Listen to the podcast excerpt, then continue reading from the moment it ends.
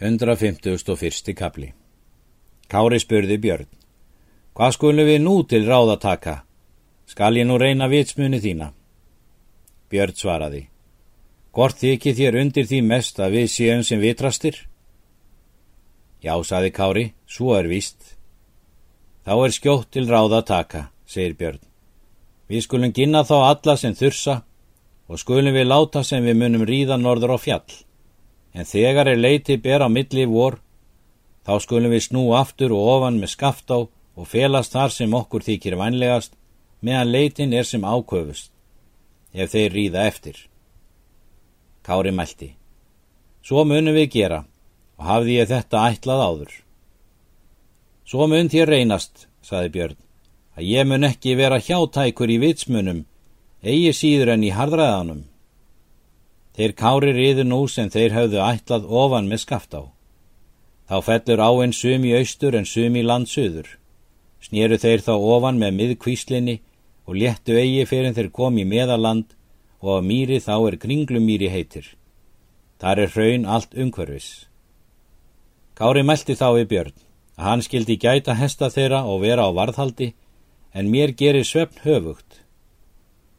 Björn gætti hestana en Kári lagðist niður og svaf all skamma stund áður en Björn vakti hann. Hann hafði þá leitað saman hestana og voru þar hjá þeim. Björn mælti til Kára. All mjög þarf þú þó mín til. Mundi sánu hafa hlaupi í braut frá þér er eigi veri jafn vel hugaðar sem ég er, því að nú ríða hér óvinnir þínir að þér og skallt þú svo við búast. Kári gekk þá undir hamarskútan okkur. Björn mælti.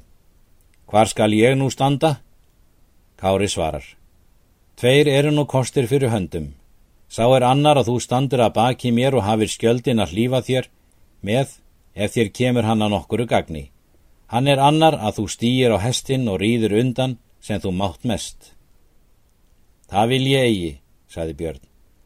Heldur þar margt til þess. Það fyrst að vera kann að nokkurar skæðar tungur taki svo til orðs að ég renni frá þér fyrir hugleysi ef ég ríði braut.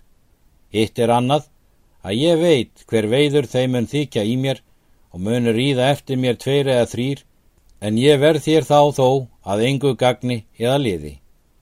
Vil ég heldur standa hjá þér og verjast meðan auðið verður. Þá var eigi langt að býða áður rekni voru klifjahestar fram um mýrina og fóru þar með þrýr menn. Kári mælti. Þessir sjá okkur ekki. Látum við þá umrýða, segir Björn. Síðan riðu þeir umfram, en hinnir sex riðu þá aðfram og hljópu þegar að baki allir senn og snýru að þeim kára. Fyrst leipur að þeim glúmur Hildisson og lagði til kára með spjóti. Kári snýrust undan á hæli og misti glúmur hans og kom lægið í bjargið. Björn sér það og hjó þegar spjótið af skafti fyrir glúmi. Kári hjó til glúms, höllum fæti og kom sverðið á lærið og tók undan fótinn upp í lærinu og dó glúmur þegar.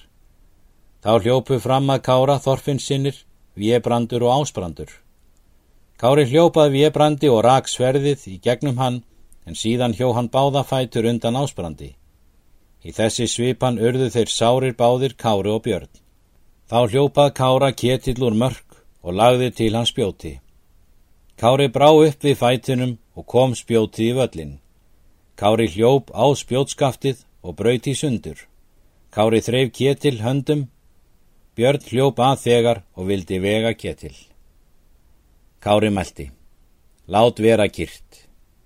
Ég skal gefa kalli grið og þó að svo verði ketil, oftar að ég í vald á lífi þínu, þá skal ég þið aldrei drepa.